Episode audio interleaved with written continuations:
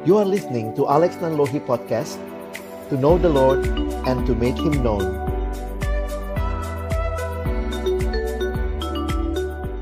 Shalom teman-teman, selamat sore. Wah ini di makin lama dikenalin Makin langsung berasa tua ya. Thank you, saya sih nggak merasa tua ya Kadang-kadang pelayanan ke siswa, mahasiswa selalu jadinya lupus teman-teman ya. Lupa usia. Dan ya kesempatan ini bagi saya indah sekali. Boleh sharing dengan teman-teman sekalian. Dan nanti uh, saya berharap juga tentunya uh, kita bisa sharing dengan keterbatasan virtual ini. Nanti saya coba ajak teman-teman untuk sharing ya. Nah, baik, uh, kita mulai dulu dengan sharing gitu ya. Ada berapa orang di sini? Ada 130. Gimana sharingnya Bang 130 orang? Ya udah, kita kita akan share aja gitu ya. Saya stop dulu share screen dari panitia dan kita akan coba lihat uh, topik kita yang pertama. Kita akan belajar tentang visi pemuridan.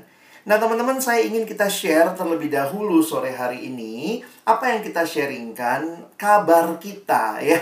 Wah, ini kabar teman-teman seperti apa? Tentunya 130 orang gimana nih bisa sharing? Saya minta teman-teman perhatikan aja di layar ya. Nah, teman-teman lihat di layar ini saya tanya apa kabarmu hari ini. Pilih satu nomor yang paling menggambarkan kondisimu. Kita tidak saling menghakimi, kita tidak saling uh, me menjelekkan ya, tapi apa yang teman-teman feel hari ini? Silakan pilih nomornya lalu bisa share dua menit ke depan. Paling tidak kita bisa tahu satu sama lain. Mungkin juga kita bisa lihat nanti oh dia lagi feel seperti itu ya mungkin kita belum bisa bantu banyak at least kita bisa doakan ya silakan teman-teman apa kabarmu hari ini nomor berapa yang paling mewakili dirimu kabarmu hari ini saya nggak tanya kemarin nggak tanya besok yang abang tanya hari ini ya thank you untuk yang sudah share Wow, ada yang kesepian tuh ya. nomor 8. Ada yang masih nomor 5? Wah, ada juga ya. Wah, saya juga berasanya sih pengennya nomor 5 gitu ya. Oke, silakan kita tunggu lagi ya. Satu menit, silakan teman-teman boleh share. Nanti kan kalau sempat masuk kelompok bisa tanya juga. Tadi lu pilih nomor berapa gitu ya. Supaya kita juga nanti bisa share satu sama lain. Beranjak dari how do we feel today ya. Thank you teman-teman yang sudah menjawab, masih ada waktu. Silakan ya. Makasih untuk kejujurannya. Paling tidak kita juga bisa jujur dengan kondisi kita dan ini menjadi satu titik yang baik untuk memulai sesi-sesi ke depan yang tentunya tiga hari ini kiranya Tuhan boleh menyatakan berkatnya bagi kita. Thank you teman-teman.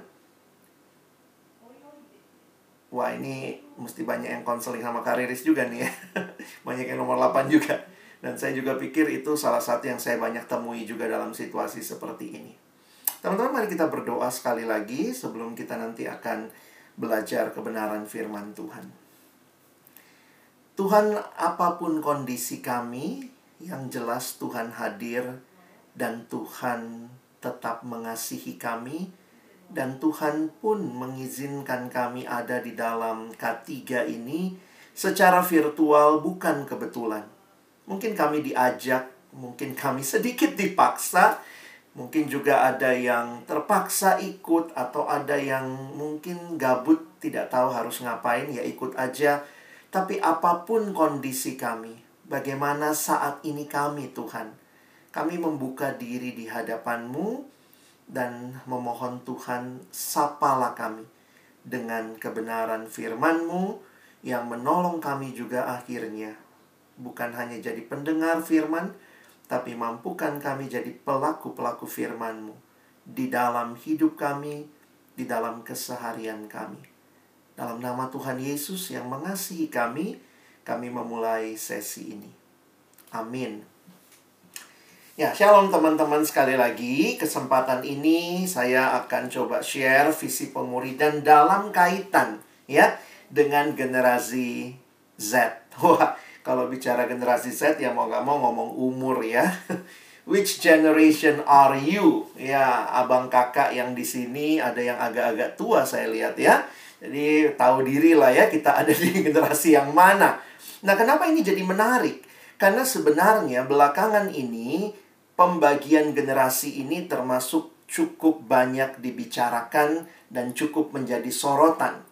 Salah satunya yang saya dapatkan ini adalah data infografis Indonesia Teman-teman perhatikan generasi Z yang dimaksud itu adalah umur-umur teman-teman yang ada di SD, SMP, SMA, bahkan kuliah awal saat ini.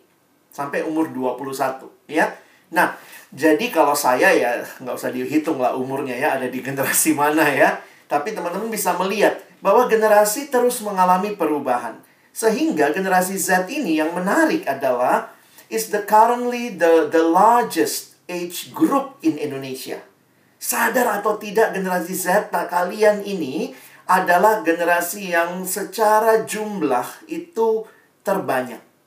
Yang lahir kira-kira tahun 97 sampai 2012. Sehingga teman-teman ada di kelompok usia ini. Nah, bagi saya khususnya yang masih melayani di perkantas, ketika kita melayani generasi yang terus berubah, wow, saya pikir kami juga ya para staff yang tentu ya umur kami kan nggak makin muda ya. Ini membutuhkan sebuah uh, pemahaman yang dalam tentang generasi ini. Saya nggak bahas lebih jauh, saya pikir teman-teman ini semua accessible. Kalian bisa lihat datanya di BPS, kalian bisa lihat di beberapa survei. Dan yang menarik sebenarnya adalah pelayanan ini, teman-teman ada di generasi Z dan melayani generasi Z. Nah ini kalau kita bicara generasi ya, contohnya apa? Ya kita bicara pemuridan hari ini, siapa yang menjadi pemimpinnya? Generasi Z, siapa yang dipimpin? Generasi Z juga begitu ya. Nah kalau kalian juga melayani seperti saya melayani di siswa, siswanya juga generasi Z. TPS-nya juga nggak jauh-jauh generasi Z juga begitu ya. Dan ini generasi yang punya banyak ciri khas. Ya, ya tentu kita nggak bisa bahas satu persatu. Kalian sudah tahu juga ini generasi yang lahir paling tidak kalian lahir di dalam dunia yang sudah digital. Makanya istilah yang biasa dipakai teman-teman adalah digital native. Kalau saya ini golongannya digital immigrant. Saya masih sempat kuliah ngetik itu ya, pakai mesin ketik ya dan ingat itu kalau besokannya mau kumpul tugas itu, wah satu kosan itu bunyinya taktuk, taktuk, taktuk gitu ya. Nah sekarang kan orang udah mulai dengan komputer dan seterusnya begitu ya. Nah, social media juga menjadi bagian yang sangat kuat di generasi ini. Secara khusus bagi yang di Jawa khususnya, itu banyak sekali menggunakan Instagram. Di beberapa daerah, untuk generasi ini masih banyak yang menggunakan Facebook juga karena itu yang mungkin lebih accessible dan lebih banyak yang bermain di Facebook. Tetapi ini sedang beralih menuju ke Instagram. Lalu ini entertainment apa ya expressing the needs keep up with what's happening in the world. Nah, teman-teman bisa lihat gitu ya. Ini adalah uh, hal-hal uh, yang yang di diakses gitu ya, yang cukup banyak di diakses oleh generasi ini. Tapi ya ini generasi yang juga senang dengan entertainment. Karena itu kalau kita bicara tentang entertainment activity, nah ini hal-hal yang ada ya. Saya pikir saya nggak coba bahas itu. Tapi ini kira-kira konklusi dari semua ini. Generasi Z dikatakan spending more than 8 hours online for both study and entertainment. Nah ini sebenarnya datanya sebelum pandemi. Ini kalau pandemi juga semuanya pakai media sosial atau pakai internet paling tidak ya online maka tentu lebih lebih banyak lagi begitu. Nah, the most used apps gitu ya. Saya pikir ya kita perlu kenal dengan baik generasi ini dan pembagian generasi ini bagi saya cukup menolong. Ya, cukup menolong tapi ingat, ini bukan segala-galanya. Ya, ini bukan segala-galanya. Kenapa teman-teman? Karena coba perhatikan bahwa pembagian generasi di berbagai tempat itu juga bisa berbeda-beda sehingga paling tidak bagi saya begini kita mesti kenal persis setiap tempat setiap lokasi walaupun sama-sama generasi Z tetapi ada pasti perbedaan-perbedaan dan konteks yang membuat setiap wilayah itu unik. Nah, tapi saya mau ajak kita lihat sesuatu yang menarik dari data yang disurvei oleh bilangan research. Salah satu research Kristen di Indonesia yang mengembangkan pola seperti yang dilakukan oleh Barna secara internasional, khususnya di Amerika. Barna juga melakukan banyak survei sedunia, termasuk survei tentang generasi milenial dan yang lainnya.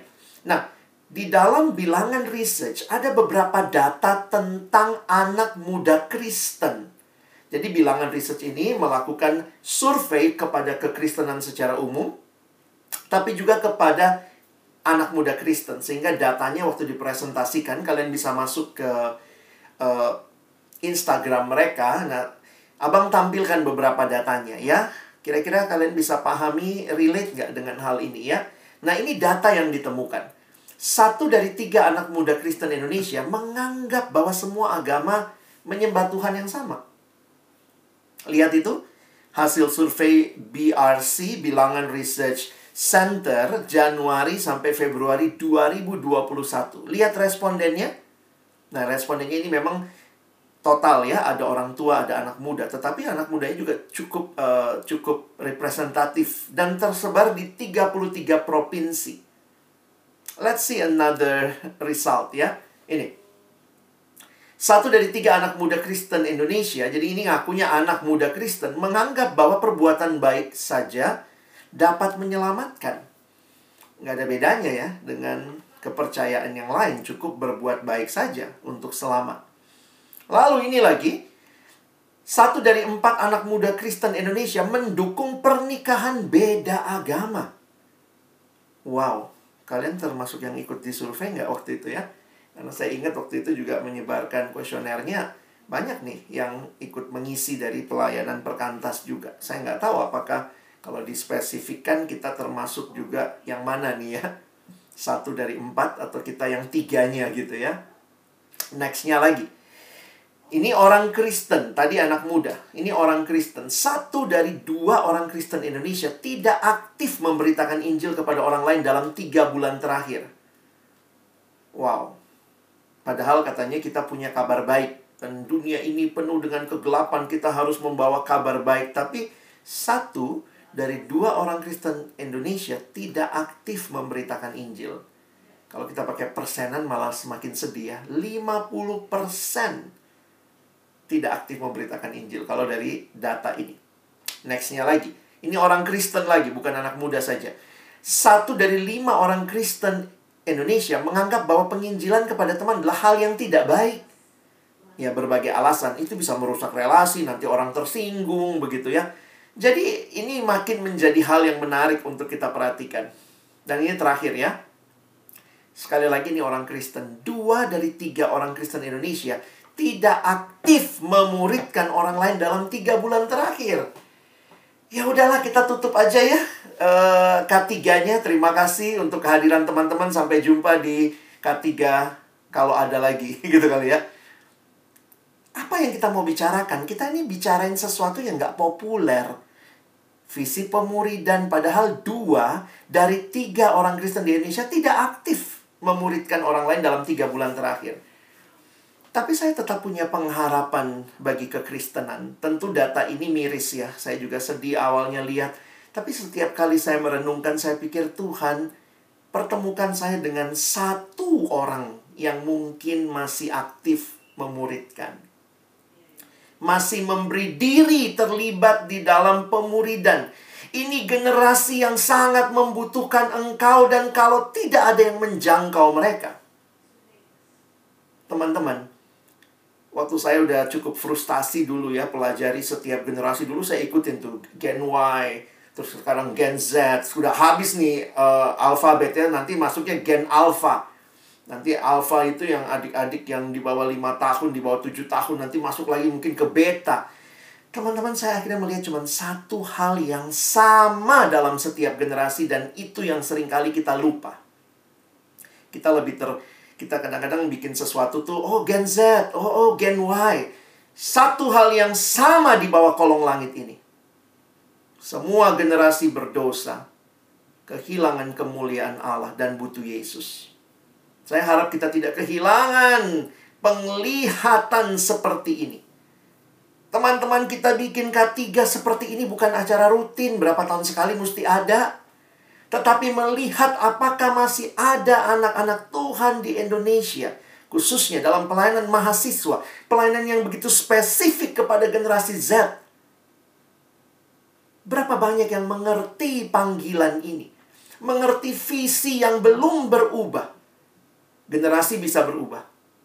Tetapi ketika setiap generasi tetap punya ciri yang sama, yaitu manusia berdosa yang butuh Injil, maka kita belum pernah selesai memuridkan. Teman-teman, saya harap ini jadi satu cara pandang yang kita miliki. Itulah visi. Visi itu melihat, saudara. Apa yang saudara lihat? Saudara cuma lihat generasi X, generasi Y, Gen Z. Wah, Gen Z ini punya banyak kelebihan, kualitas, prestasi, dan seterusnya. Tapi maukah kita melihat seperti Allah melihat mereka? George Barna dalam salah satu tulisannya mendefinisikan visi seperti ini, ya. Visi yaitu sebuah gambaran yang sangat masa depan yang sangat jelas yang Allah komunikasikan kepada para pemimpin pelayannya. Servant leader maksudnya ya, pemimpin pelayannya berdasarkan pengenalan yang akurat tentang Allah, tentang diri sendiri dan lingkungan. Sehingga dari kalimat ini saya ingin katakan begini, kalau teman-teman lihat sekarang semua organisasi, bahkan BEM, bahkan mungkin juga di kampus, kita punya himpunan mahasiswa jurusan, setiap kali ada uh, ketua kepengurusan baru harus bikin visi misi. Lalu apa bedanya? Dengan kita di kekristenan bicara visi dan misi. Bagi saya yang bedanya adalah ini, perhatikan. Seringkali visi dan misi di dalam organisasi dunia ini hanya bicara apa SWOT-nya, apa yang kita lihat, kondisi pesertanya gimana, kondisi anggotanya bagaimana. Yuk, kita punya mimpi, anggota-anggota himpunan mahasiswa jurusan kita akan punya pertama kreativitas, kedua pendidikan yang baik, ketiga lalu bikin program dari visi turun jadi program. Dan dari mana itu? Ketika melihat kondisi yang diswotkan siapa aja anggota himpunan kita, siapa aja anggota mahasiswa di tempat kita. Tapi visi yang dimaksud di sini dalam konteks kekristenan adalah gambaran masa depan yang sangat jelas. Nah, tapi ini poinnya. Yang Allah komunikasikan. Jadi ini bukan sekadar hasil SWOT ini bukan sekadar kondisi lapangan, tentu kondisi lapangan karena di bawahnya dibilang ya, ada pengenalan akurat tentang Allah, tentang diri sendiri dan lingkungan. Tetapi Allah yang punya seluruhnya ini memberikan, mengkomunikasikan sesuatu yang sangat jelas. Allah tidak mau manusia terus tinggal dalam dosa. Allah komunikasikan itu khususnya kepada pelayanan mahasiswa menangkap dengan jelas apa yang Tuhan mau buat generasi ini. Karena itu sekali lagi, generasi silih berganti. Saya lihat itu ya, saya kan cukup tua gitu ya dari gambaran perkenalan tadi. Abang ini udah lihat beberapa generasi dan saya melihat kebutuhannya tetap sama Tuhan. Generasi Z pun mau pakai nama apa nanti habis Z Alpha butuh Injil Tuhan. Visi yang diterima oleh teman-teman, oleh generasi yang sebelumnya dalam pelayanan mahasiswa dan saya harapkan hari ini Tuhan berikan juga bagi engkau dan saya kembali. Segarkan visi kita bahwa Tuhan masih bekerja memanggil manusia berdosa kembali kepadanya termasuk generasi Z. Teman-teman kalau kita nggak punya visi ini tutup aja PMK ngapain? Capek bikin rapat, bikin acara, tapi kalau tidak ada visi, tidak ada apa yang Tuhan komunikasikan yang ditangkap dengan jelas oleh setiap pemimpin di setiap generasi ini. Yang melihat dengan jelas ngapain harus ada PMK. Kenapa kita berjuang untuk pemuri dan di kampus ini. Kalau kamu tidak mengerti itu sebenarnya kita tidak tahu ngapain ber-PMK. Kita lagi main PMK-PMKan. Ya, kita PMK-PMKan ya. Nah, kau ketua-ketuaan, aku sekretaris-sekretarisan. Oh, nanti kau anggota-anggotaan ya. Nah, kita bikin kebaktian-kebaktianan yuk. Ayo kita bikin kelompok kecil-kelompok kecilan. Kenapa? Eh itu dari tahun-tahun yang dulu ada tuh, generasi dulu ada. Yuk kita lanjutkan aja. Tapi kalau tidak ada visi yang kita tangkap dari Tuhan, yang kita terima dari Tuhan. Tapi pertanyaannya, kepada siapa Tuhan menyatakan visinya? Teman-teman lihat baik-baik. Kalau visi adalah gambaran yang Allah komunikasikan, maka saya menyimpulkan begini. Visi akan diterima oleh mereka yang bergaul akrab dengan Allah. Jangan mimpi deh kalau nggak bergaul akrab dengan Allah, tapi mengerti visinya Allah. Saya takutnya nanti kita cuma masuk kepada organisasi, kegiatan, tradisi, dulu ada, sekarang harus ada.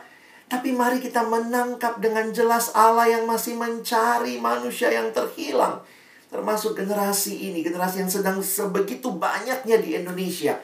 Tuhan kami rindu memuridkan karena inilah yang Tuhan sendiri rindu. Teman-teman, saya harap kita mengerti poin ini dengan jelas. Sekali lagi, visi diterima oleh mereka yang bergaul akrab dengan Allah. Karena visi itu adalah apa yang Allah komunikasikan dengan jelas tentang masa depan. Makin kita baca Alkitab, waduh, semua manusia berdosa Tuhan. Makin penting ber-PMK. Tuhan, kalau dia sudah kenal Yesus tapi tidak bertumbuh, sedih banget hidupnya Tuhan. Penting banget ada kelompok kecil di kampus. Penting ada, penting sekali ada pemuridan. Nah, pertanyaannya adalah gini. Sebenarnya semua kegiatan kita tuh hasilnya apa ya? Ada nggak yang dihasilkan ya? Kalau ternyata itu cuma menghasilkan kegiatan, kesibukan, cari dana, tapi tidak jelas ujungnya apa, hati-hati kita kehilangan visi dan kita hanya bermain di dalam sebuah aktivitas tanpa roh yang hidup.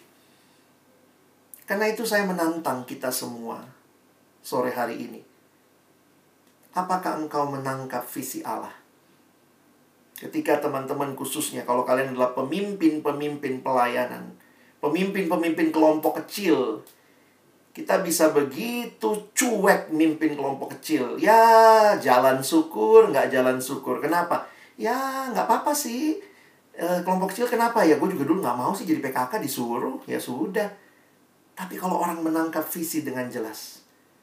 Karena firman Tuhan menggelora dalam hatinya. Maka dia akan berjuang tidak boleh cuman biasa-biasa saja.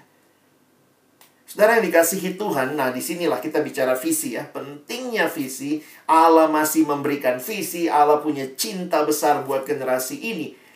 Nah, sekarang saya mau masuk sedikit tentang apa artinya sebagai murid. Di dalam Alkitab sebenarnya menarik sekali, kita coba lihat sebentar ya, tentang Kristen. Wah, ini menarik teman-teman ya. Dari survei, kalau kita menggali Alkitab, sebenarnya istilah Kristen itu cuma muncul tiga kali loh di Alkitab kita. Khususnya perjanjian baru, di perjanjian lama malah nggak ada. Dan kata Kristen itu muncul pertama kali di kisah Rasul 11 ayat 26. Memang kalau kalian searching LAI, LAI itu nerjemahinnya sampai tujuh kali atau enam kali kalau nggak salah. Tetapi sebenarnya kalau cek bahasa aslinya, cuma tiga ayat ini loh di perjanjian baru yang ada kata Kristen. Kisah Rasul 11 ayat 26. Mereka tinggal bersama-sama dengan jemaat itu satu tahun lamanya dan sambil mengajar banyak orang. Di Antioquia lah murid-murid itu untuk pertama kalinya disebut Kristen. Teman-teman perhatikan. Di Antioquia lah pertama kalinya disebut Kristen. Dari ayat ini kita bisa belajar bahwa Kristen pada awalnya bukan nama yang dipilih oleh orang-orang yang ikut Yesus. Tapi itu nama yang diberikan, makanya kalimatnya disebut Kristen. Bahkan seorang penafsir juga ada yang mengatakan kemungkinan besar ini nama ejekan. Hidupnya mirip Kristen. Kristen lo, hidupnya mirip Kristus. Kristen, wah itu ya. Makanya uh, biasanya tambahan kata ian gitu ya kalau di kampus, kalau di Jakarta misalnya anak binus, namanya apa? Binusian gitu ya. Ian itu menunjukkan orangnya ya yang yang terafiliasi dengan binus gitu. Kristian, dia seperti Kristus ya. Ada juga gitu kan. Orang yang cara pandangnya menerima pendapat-pendapatnya Gus Dur disebut Gus Durian. Wah, lucu ya.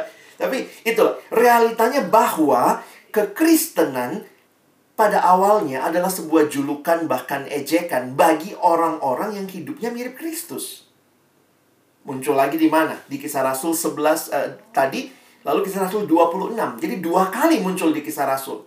Ayat 28. Jawab Agripa, hampir-hampir saja kau yakinkan aku menjadi orang Kristen.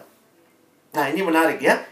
Jadi kalian bisa lihat di hadapan Raja Agripa, Paulus pun juga memberikan pembelaannya dan dia meyakinkan ya atau memberitakan Injil kepada Agripa. Dan sekali lagi muncul di 1 Petrus 4 ayat 16. Jadi tiga kali ya. Dua kali di kisah Rasul, satu kali di 1 Petrus. Bahkan nggak muncul di Injil, tidak muncul di surat Paulus. Tetapi jika ia menderita sebagai orang Kristen, maka janganlah ia malu, melainkan hendaklah ia memuliakan Allah dalam nama Kristus itu. Nah pertanyaannya sering kali yang menarik buat kita ingat saat ini. Sebelum ada istilah Kristen, apa istilah yang dipakai untuk menyebut orang-orang yang ikut Yesus? Apa sih istilah yang dipakai untuk orang-orang yang ikut Yesus sebelum dipakai istilah Kristen? Benar. Istilahnya apa? Murid. Kata murid inilah kata yang digunakan untuk menyebut mereka yang mengikut Yesus sebelum ada istilah Kristen. Karena itu dari survei kata murid atau disciples atau kata bahasa Inggrisnya disciple, kata bahasa Yunaninya matetes. Kalian bisa lihat ini pemunculannya, kalian bisa cek. Hitung sendiri ya. Dalam Injil Matius 73 kali, Markus sekian kali kalian bisa lihat statistiknya di sini. Ini menunjukkan apa? Kadang-kadang kita suka bertanya, ini Kristen atau murid begitu ya? Sebenarnya ini dua hal yang tidak terpisah, teman-teman. Sedihnya sering kali orang berpikir Kristen itu beda sama murid, murid itu beda sama Kristen. Seolah-olah ini dua hal yang terpisah. Tapi kalau kalian perhatikan, di dalam ayat-ayat yang kita baca tadi, para murid itulah yang disebut Kristen. Jadi sebenarnya Kristen sama dengan murid. Memang sedih sekali ketika sekarang, jujur ya. Bicara pemuridan, pemuridan itu seperti cuma program. Jadi, misalnya begini, mahasiswa baru masuk nih ke kampus kita. Wah, ITB dapat sekian mahasiswa Kristen. Wah, UNPAD sekian mahasiswa Kristen. Lalu kemudian, program PMK ada pemuridan. Jadi, kemudian kita suka nawarin, eh, Kristen ya, mau ikut pemuridan? Seolah-olah pemuridan adalah opsi. No. Pemuridan bukan opsi. Bisa nggak sih, uh, saya mau jadi Kristen kak, tapi nggak mau pemuridan. Sebenarnya logikanya, karena memang kita harus menghayati secara utuh. Kristen ya murid, murid ya Kristen. Identitas kita adalah murid Kristus, kita adalah Christ disciples. Jadi ini bukan hal yang aneh harusnya. Maksud saya adalah begini, memang kalau kita bicara pemuridan, kita punya program, misalnya kelompok kecil, kita punya retret mahasiswa baru, adalah segala macam ya. Tapi jangan membatasi seolah-olah murid dan Kristen adalah dua hal yang berbeda. Kristen itu ya siapa aja yang yang Kristen percaya Yesus oke, okay. tapi kemudian mari ingat Tuhan tidak panggil kita membawa orang ke dalam membership gereja. No. Tuhan panggil kita masuk kepada kepada discipleship, not membership. Nah, ini yang perlu kita hayati sehingga kalau ada PMK di kampus, ada orang-orang yang melayani di dalam pelayanan mahasiswa, apa yang harusnya saudara dan saya tangkap? Tangkaplah visi pemuridan dengan jelas bahwa membawa orang-orang untuk mengenal Yesus dan harus jadi murid, bertumbuh dalam Kristus itu kerinduan Tuhan. Sampai kalau kita hayati di akhir pelayanan Yesus, ini ya perintahnya ya. Kadang-kadang kita selalu bacanya ini kan. Karena itu pergilah jadikanlah semua bangsa muridku. Ini kan sebelum Yesus naik ke surga. Setelah dia bangkit, dia bertemu dengan murid-murid. Lalu inilah perkataan terakhir yang ditulis di dalam Matius. Karena itu pergilah, jadikanlah semua bangsa muridku. Karena itu sering kali disebut ini adalah amanat agung. Amanat itu apa? Ya, kadang-kadang bahasa Indonesia mungkin kita kebanyakan upacara kali ya Begitu dengar amanat itu kayaknya sesuatu yang pesan. Sebenarnya bukan pesan.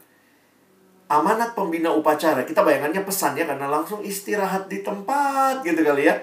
Tapi kalau mengerti amanat, mungkin beda antara amanat sama amanah. yang pesan itu mungkin amanah ya. Amanat itu perintah. Amanat agung adalah perintah yang agung. Coba lihat. Sebagai kalimat yang di dalamnya ada perintah, maka pasti ada kata perintah. Ayo kita lihat sama-sama ada berapa kata perintahnya. Nah, biasanya kata perintah di bahasa Indonesia akhirannya lah. Oke ya, yang pertama Pak. Karena itu pergilah.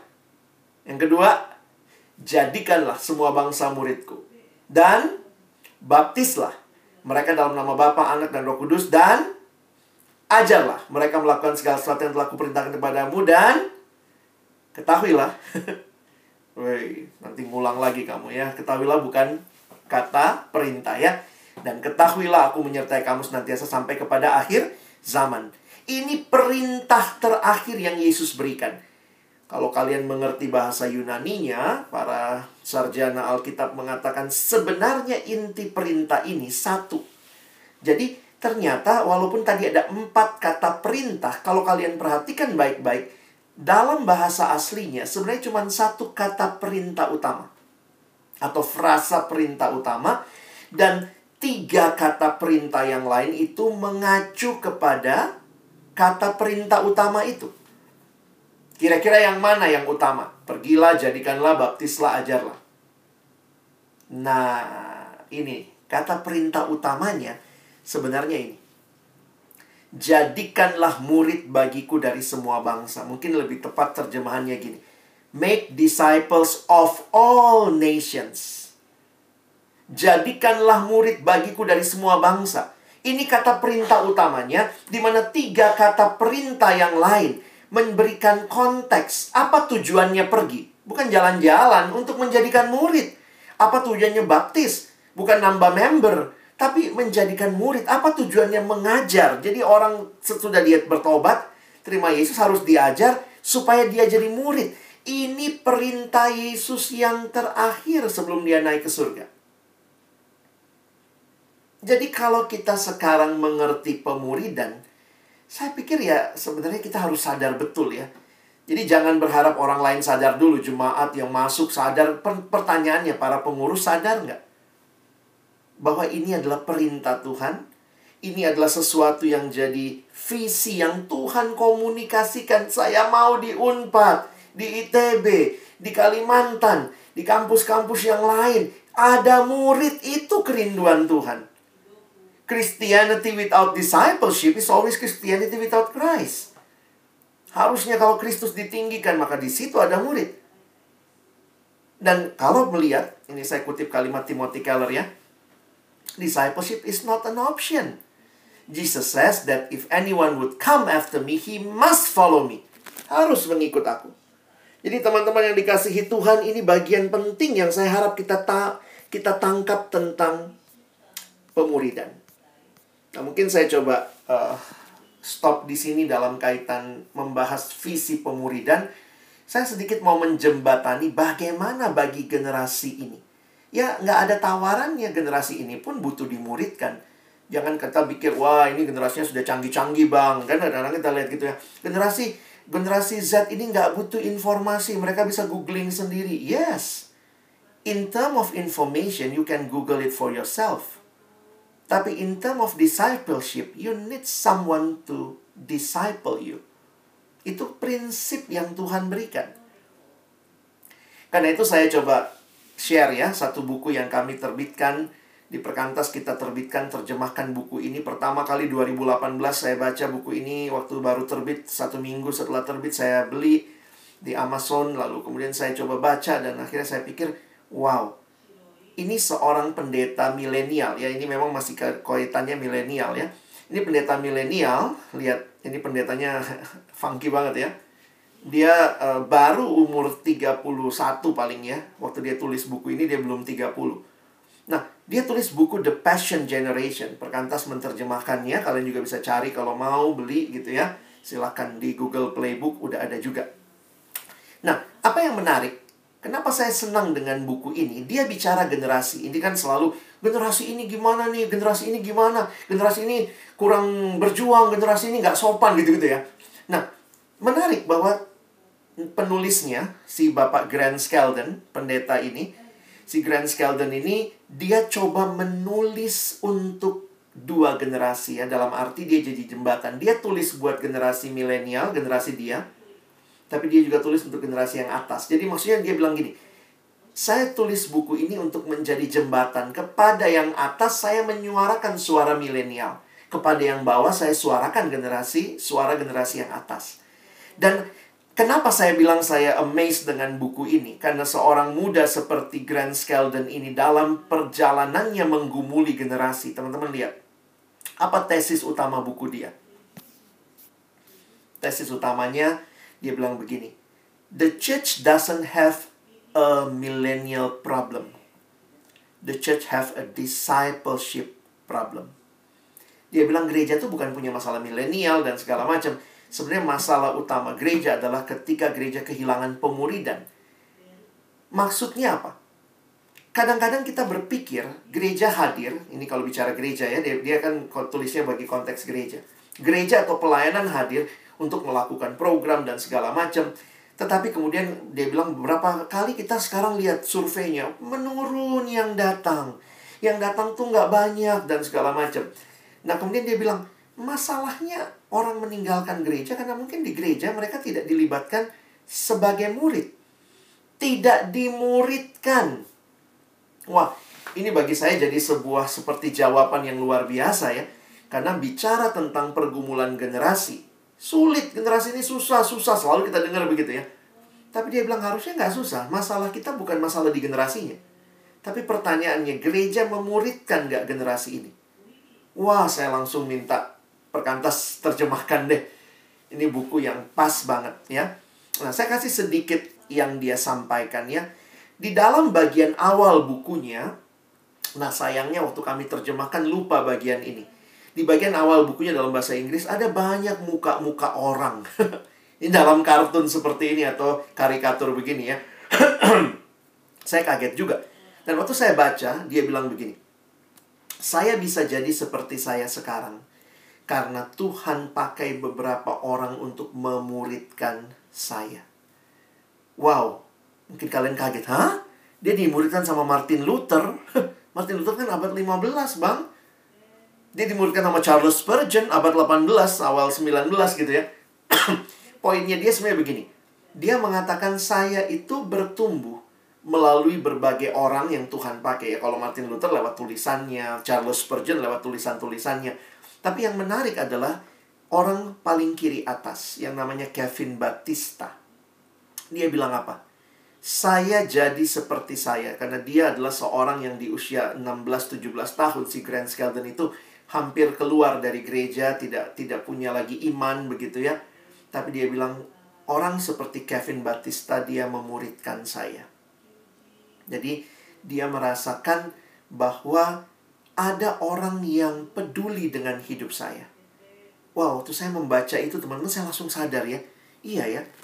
Ternyata jawaban bagi generasi yang berbeda. Jadi kadang-kadang gini ya, kita yang generasi tua nih, wah generasi sekarang sombong-sombong, kagak mau dibimbing. Generasi sekarang tuh kayaknya sok tahu, generasi sekarang jadi banyak aja komplainnya. Tapi pertanyaannya begini. Hey, yang tua-tua, lu ngapain buat generasi yang muda? Wah anak sekarang nggak sopan, terus lo ngapain buat mereka? Kevin Batista membuka hidupnya, mengajak Grant Skeldon masuk ke hidupnya, memuridkan dia. Dan inilah yang terjadi, Grant Skeldon bertumbuh di dalam iman kepada Tuhan. Teman-teman, ini jadi menarik untuk kita perhatikan karena sebenarnya begini ya, pemuridan ini kan core bisnisnya pelayanan mahasiswa. Gereja tuh banyak yang kehilangan pemuridan. Karena lebih sibuk bangun gedung, lebih sibuk rapat-rapat majelis. Sehingga mungkin pemuridan nggak fokus. Nah, tapi kita pelayanan mahasiswa ini kan, ini core bisnis kita. Makanya saya bilang ketika kita sekarang bicara generasi, kuncinya balik pemuridan. Kita masih tekankan pemuridan nggak? Kevin Batista membuka dirinya, Grand Skeldon masuk dan dia berubah. Nah, yang menarik adalah saya makin mengerti lah apa yang dimaksud dengan pemuridan ketika dia bikin atau dia berikan diagram ini. Dia katakan uh, mentorship. Mentorship itu come and meet with me. Gereja tuh butuh tiga-tiganya. Saya nggak bilang gereja butuh salah satunya saja. Enggak. Gereja butuh mentorship, Gereja butuh juga church events, gereja juga butuh discipleship. Tapi memang realitanya gereja tuh jagonya di mana? Yang di church events. Ya.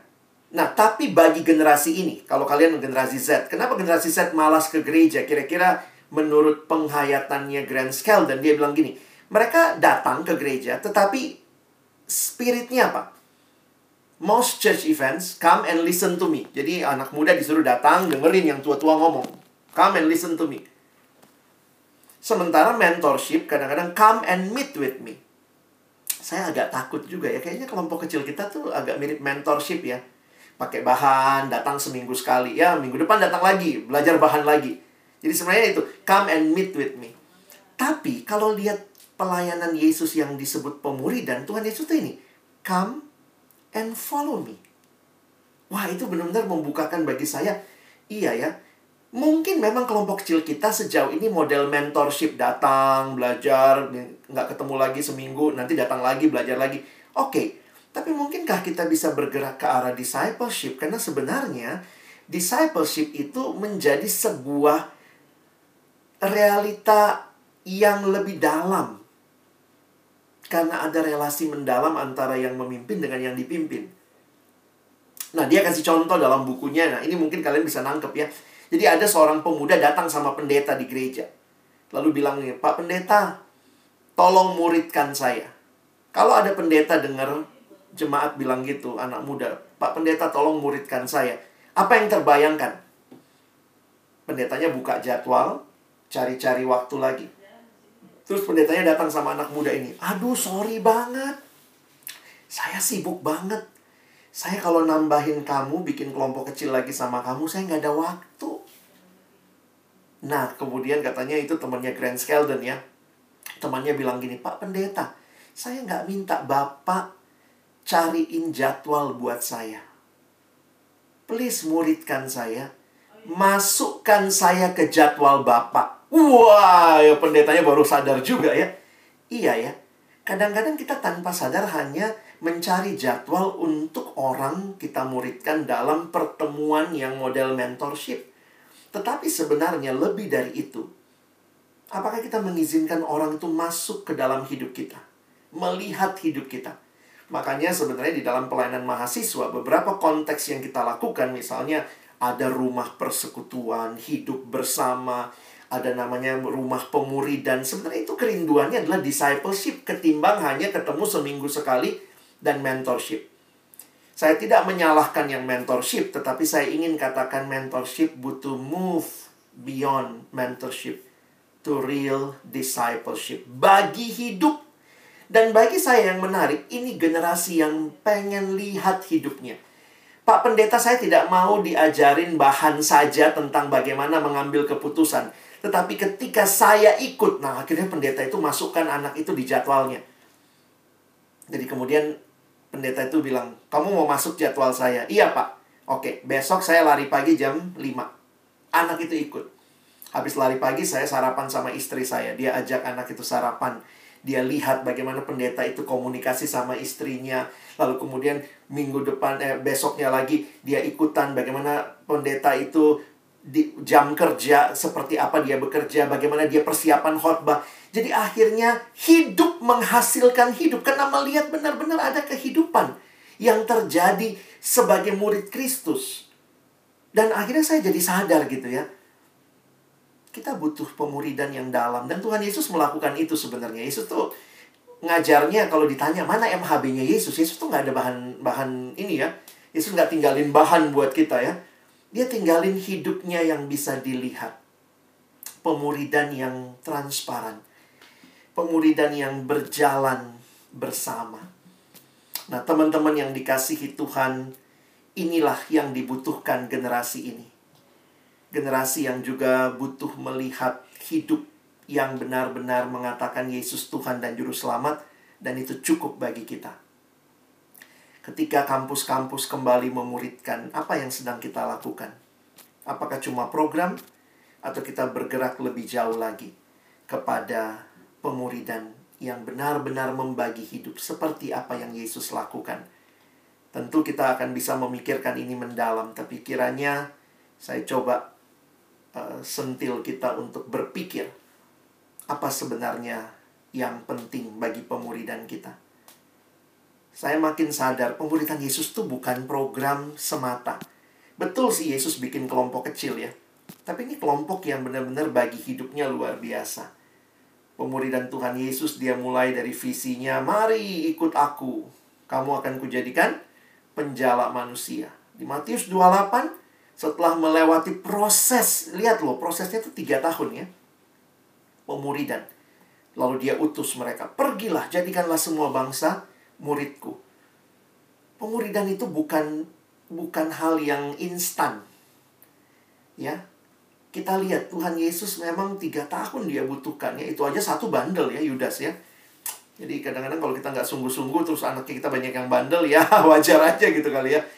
Tapi abang ingin ajak kita melihat bahwa ketika Tuhan memanggil, memberikan sebuah sebuah bagian yang harus kita perjuangkan dalam pelayanan, maka perhatikan ini.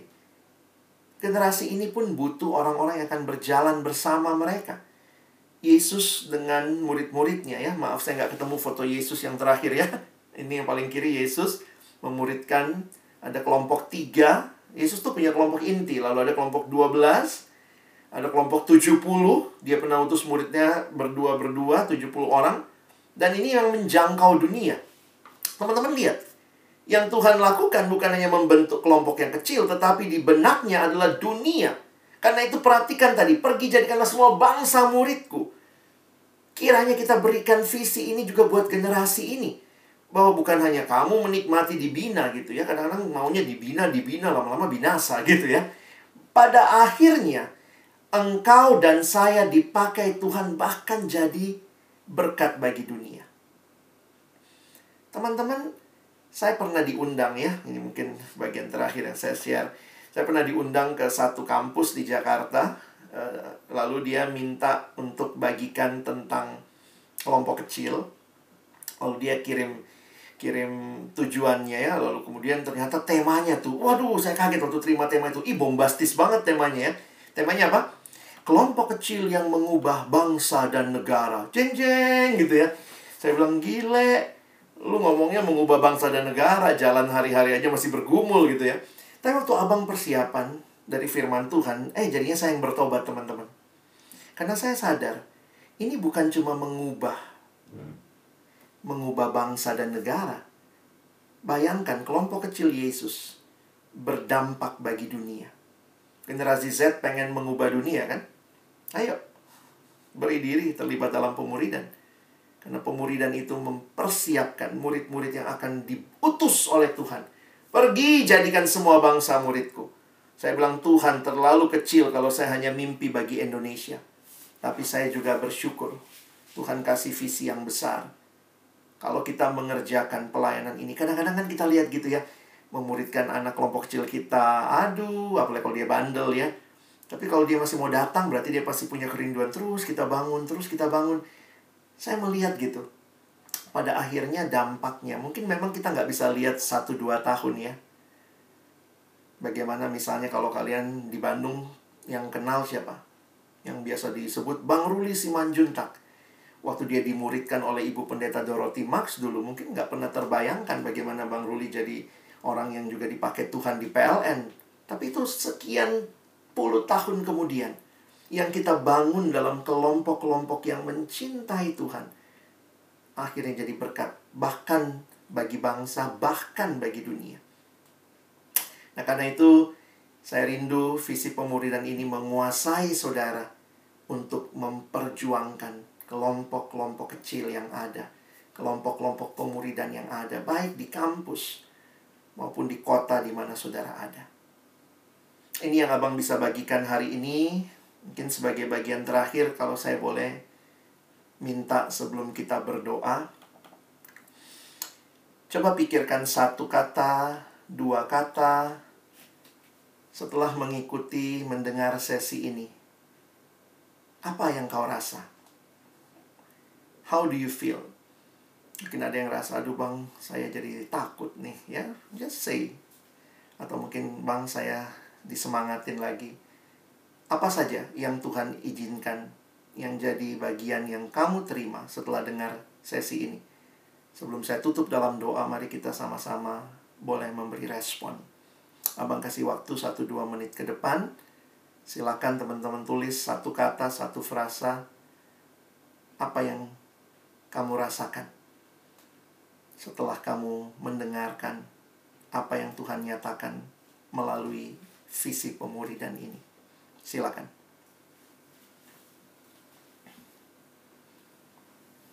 Thank you. Untuk yang sudah nulis, makasih teman-teman.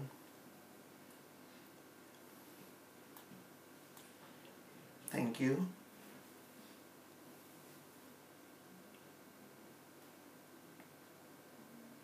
Ya. Semua perasaan kita kiranya Tuhan berikan semangat untuk kita mulai mencoba apa yang harus kita lakukan lebih baik ke depan ya. Thank you buat kejujuran teman-teman, thank you buat sharingnya. Thank you buat apa yang Tuhan nyatakan. Dan biarlah teman-teman dan saya juga boleh terus berjuang memuridkan generasi ini. Mari kita berdoa. Tuhan tolong kami pada akhirnya bukan hanya jadi pendengar-pendengar firman yang setia, tapi mampukan kami jadi pelaku-pelaku firman-Mu dengan kekuatan dari rohmu yang kudus. Engkau datang dari surga ke dunia, supaya kami boleh mengenal Engkau, satu-satunya Tuhan dan Juru Selamat kami. Dan karena itu Tuhan, kami rindu generasi ini juga mengenal Engkau. Bukan hanya menjadi generasi yang punya banyak kelebihan, atau generasi yang hanya disalahkan dengan begitu banyak kekurangan yang dimiliki, tapi generasi yang sekali lagi kami mau melihat masa depan generasi ini yang Tuhan komunikasikan bahwa ketika generasi Z ini dipersembahkan, dipertemukan kepada Tuhan, maka Tuhan akan sanggup memakai generasi ini, memakai kami semua bagi kemuliaan Tuhan, bagi pembangunan kerajaan Allah di dunia ini. Terima kasih Tuhan, karena Engkau berkenan menyapa kami, karena Engkau berkenan menggugah kami, karena Engkau berkenan mengoreksi kami, karena Engkau berkenan membangun kami kembali. Kami bersyukur, kami berterima kasih dalam nama Yesus. Amin.